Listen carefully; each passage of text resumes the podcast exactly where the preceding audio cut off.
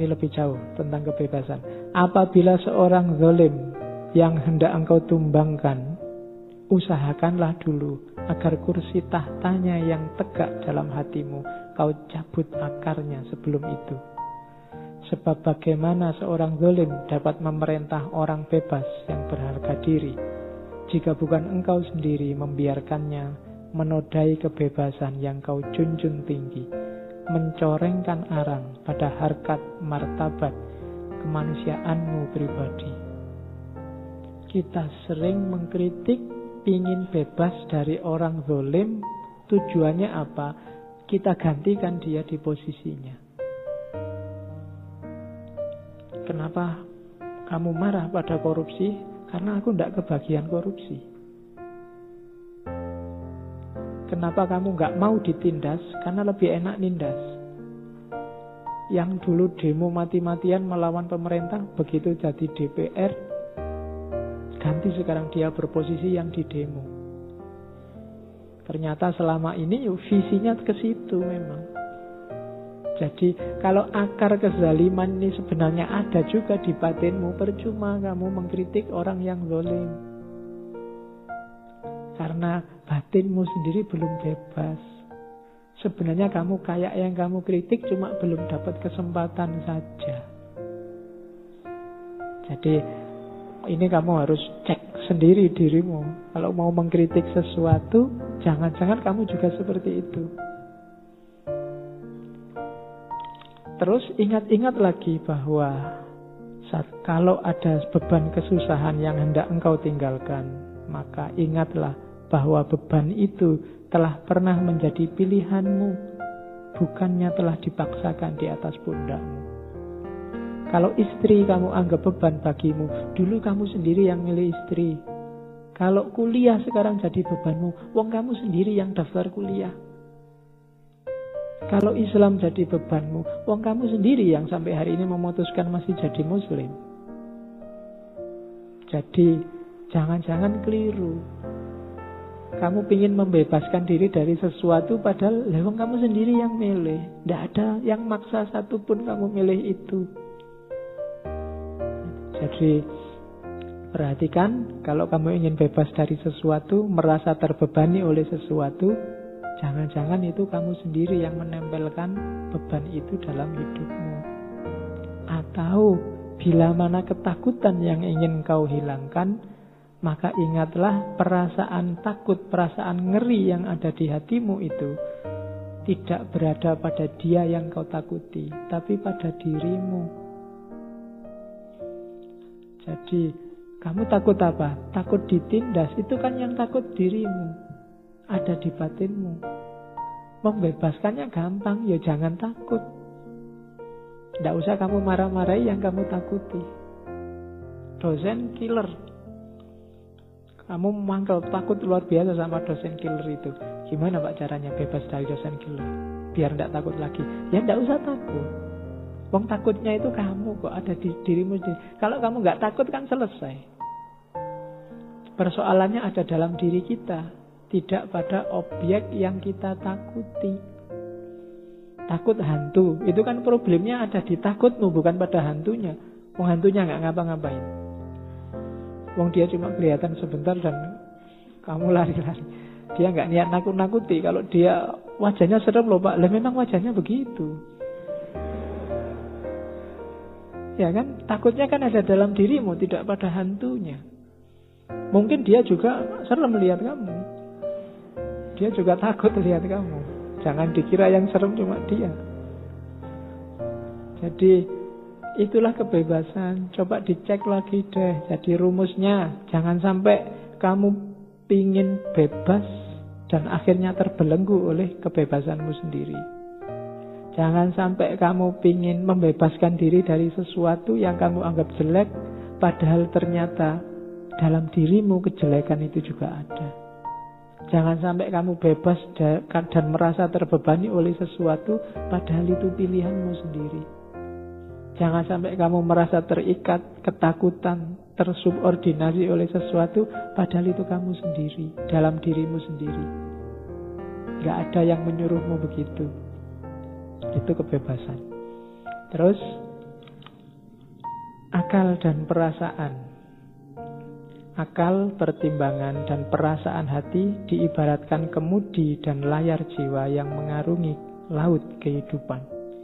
Jikalau patah salah satu layar atau kemudi itu, kau masih mengambang, namun terombang-ambing gelombang, atau terhenti lumpuh tanpa daya di tengah samudera. Akal yang sendiri mengemudi laksana tenaga yang menjebak diri. Sedangkan perasaan yang tak terkendali bagai api yang membara menghanguskan diri. Karena itu, ajaklah perasaan menjunjung tinggi akal budi, meraih puncak kebenaran sejati. Keduanya mewujudkan sebuah simfoni. Dan turutilah jiwamu membimbing perasaan dengan menggunakan akal pertimbangan. Sehingga perasaan itu tetap hidup dengan setiap kebangkitannya. Laksana burung fonik membubung tinggi dari tengah abu kebinasaannya. Jadi ini ada yang tanya, gimana tentang akal dan perasaan, rasio dan hati nurani. Katanya Gibran, katanya Al-Mustafa, akal dan perasaan itu seperti kemudi dan layar. Dua-duanya penting. Kemudinya ada, tapi layarnya rusak, tidak bisa bergerak layarnya ada, kemudinya rusak, tidak bisa diarahkan. Kalau hanya menuruti hati, perasaan tanpa akal, kadang-kadang kita kejebak, kita keliru, kita tersesat. Atau hanya menuruti akal, tapi tanpa perasaan. Ya, tidak bisa bergerak, rasanya hidup ini kering. Tidak ada rasanya. Jadi dua-duanya dalam hidup harus sama-sama jalan. Tidak usah disendiri-sendiri, Pak, saya kan filosof. Akal no yang satu kan tidak. Akal tanpa perasaan kering. Perasaan tanpa akal tidak terarah. Dua-duanya penting. Akal kita harus hidup, perasaan juga harus hidup. Seperti layar dan kemudi dari sebuah kapal. Oke, Terus penderitaan. Ya, derita. Ini masih panjang. Jam 12 nanti selesainya. Oke. Sebagaimana biji buah mesti pecah agar intinya terbuka mereka bagi curahan cahaya. Demikian bagimu kemestian niscaya mengenal derita serta merasakan kepedihannya. Ini bagi yang galau, yang sedang sumpek, Diingat-ingat nasihatnya Al-Mustafa ya. Kalau saja hatimu masih peka digetari ketakjuban, menyaksikan kegaiban yang terjadi sehari-hari dalam kehidupan, maka derita pedih itu tidak kurang menakjubkan dari kegirangan. Dan engkau pun akan rela menerima pergantian musim di hatimu, sebagaimana engkau senantiasa rela menerima pergeseran musim yang silih berganti merayapi ladangmu. Semusim datang dan semusim pergi. Galau itu nikmat kalau mau disadari. Penderitaan itu menakjubkan sebagaimana menakjubkannya kesenangan. Kegagalan itu menakjubkan sebagaimana menakjubkannya kesuksesan. Makanya Islam itu kan waktu kita sholat disuruh memperbanyak Allahu Akbar. Allahu Akbar itu kan ungkapan ketakjuban kamu sedang senang atau sedang susah, Allahu Akbar. Jadi takjub dan biasa saja. Dalam arti apa? Ada ketakjuban, ada kesenangan kita takjub, ada kesedihan kita takjub, dan itulah hidup. Seperti musim. Ada musim hujan, ada musim kemarau. Kadang senang, kadang susah. Seperti suka dan duka tadi. Banyak di antara yang kau derita adalah pilihanmu sendiri. Dialah ramuan pahit pemberian hidup pada pribadi demi penyembuhan bagian yang parah di dalam hati.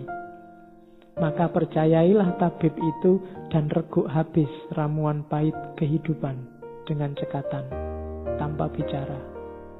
Maksudnya tanpa bicara, tanpa mengeluh. Penderitaan itu obat, yang bikin kita semakin matang dalam kehidupan itu penderitaan. Kalau kamu seneng terus, kamu tidak akan dewasa. Anak kecil yang dimanja terus oleh ibunya, oleh orang tuanya, dia tidak akan dewasa, tidak akan matang. Kadang-kadang harus dibikin susah, kadang-kadang minta apa tidak harus dikasih. Kadang-kadang ingin melakukan apa harus dilarang.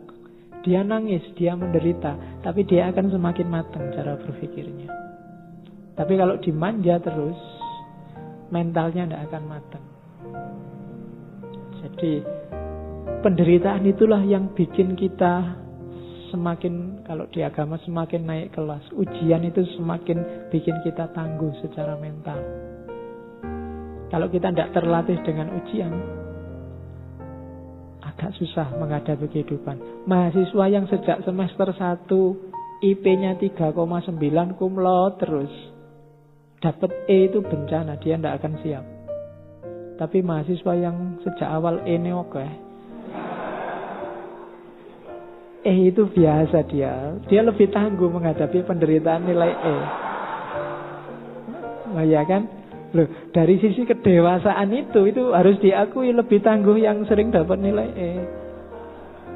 Sing tiap hari A itu kan ya. Kan itu ceritanya Daniel Goleman melahirkan emotional question itu kan. Ada mahasiswa nilainya A terus. Satu ketika dia dapat nilai amin. Tidak terima dia. Harusnya dia A semua orang merasa pinter. Akhirnya pulang ke rumah ngambil senjata balik ke kampusnya dosennya ditembak.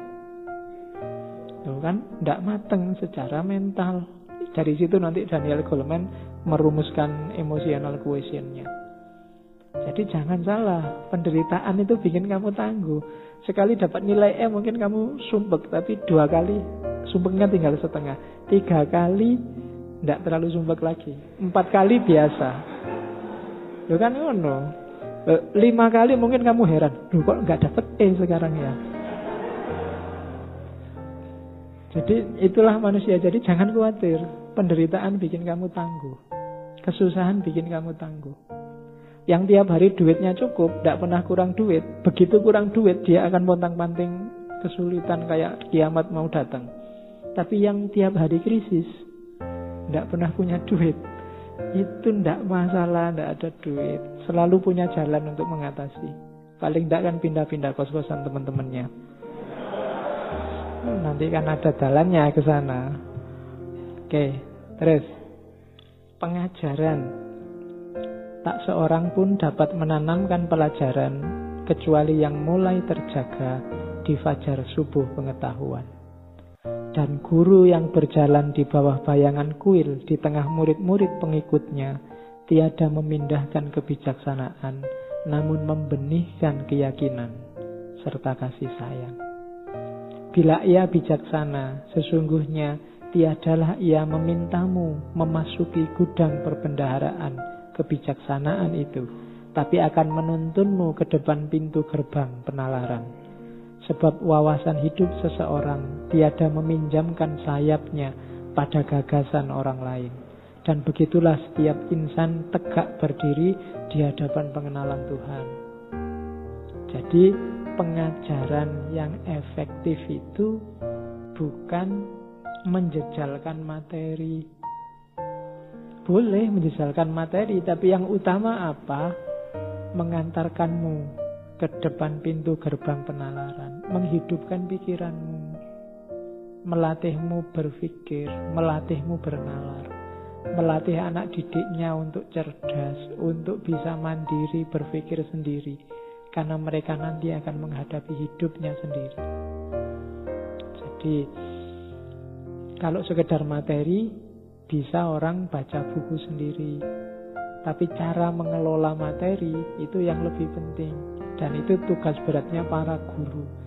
Kalau di sini ada yang fakultas tarbiyah. Jadi tidak dijejalkan materinya, tapi diajarkan cara mengelola materi. Ajarkan cara dia memahami pengetahuan, ajarkan cara dia menginterpretasi, menganalisis pengetahuan. Itu lebih penting.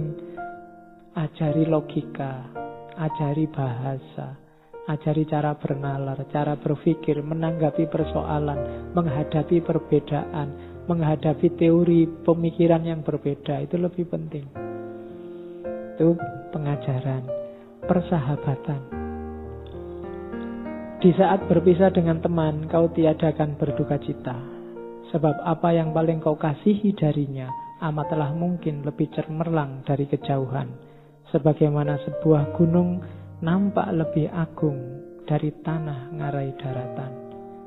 Jadi, tidak usah galau kalau kita bersahabat dan kemudian terpisah. Apalagi sudah saling jatuh cinta kemudian LDR.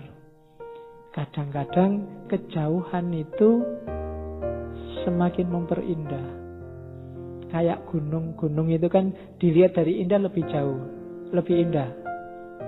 Walik ya. Dilihat dari jauh lebih indah daripada kamu datang ke sana. Kalau dari jauh gunung itu kan kelihatannya mulus. Tidak geronjal-geronjal, tapi dari dekat ternyata banyak jurangnya, banyak tumbuhan-tumbuhannya. Kadang-kadang yang jauh itu kelihatan kalian WA itu sama teman yang jauh kan akrab terus rasanya, tapi sama teman yang deket itu sering konflik.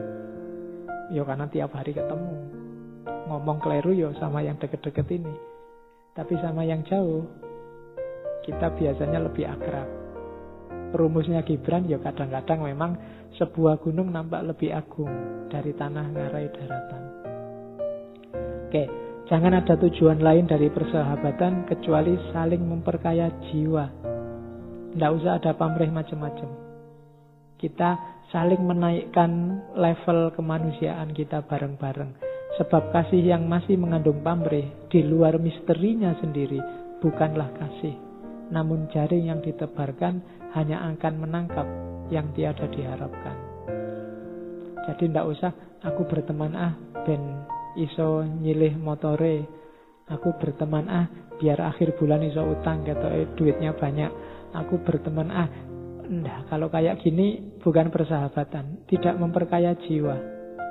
Persembahkanlah yang terindah demi persahabatan. Jika dia harus tahu musim surutmu, biarlah dia mengenal pula musim pasangmu. Sebab siapakah sahabat itu hingga engkau hanya mendekatinya untuk bersama, sekedar akan membunuh waktu.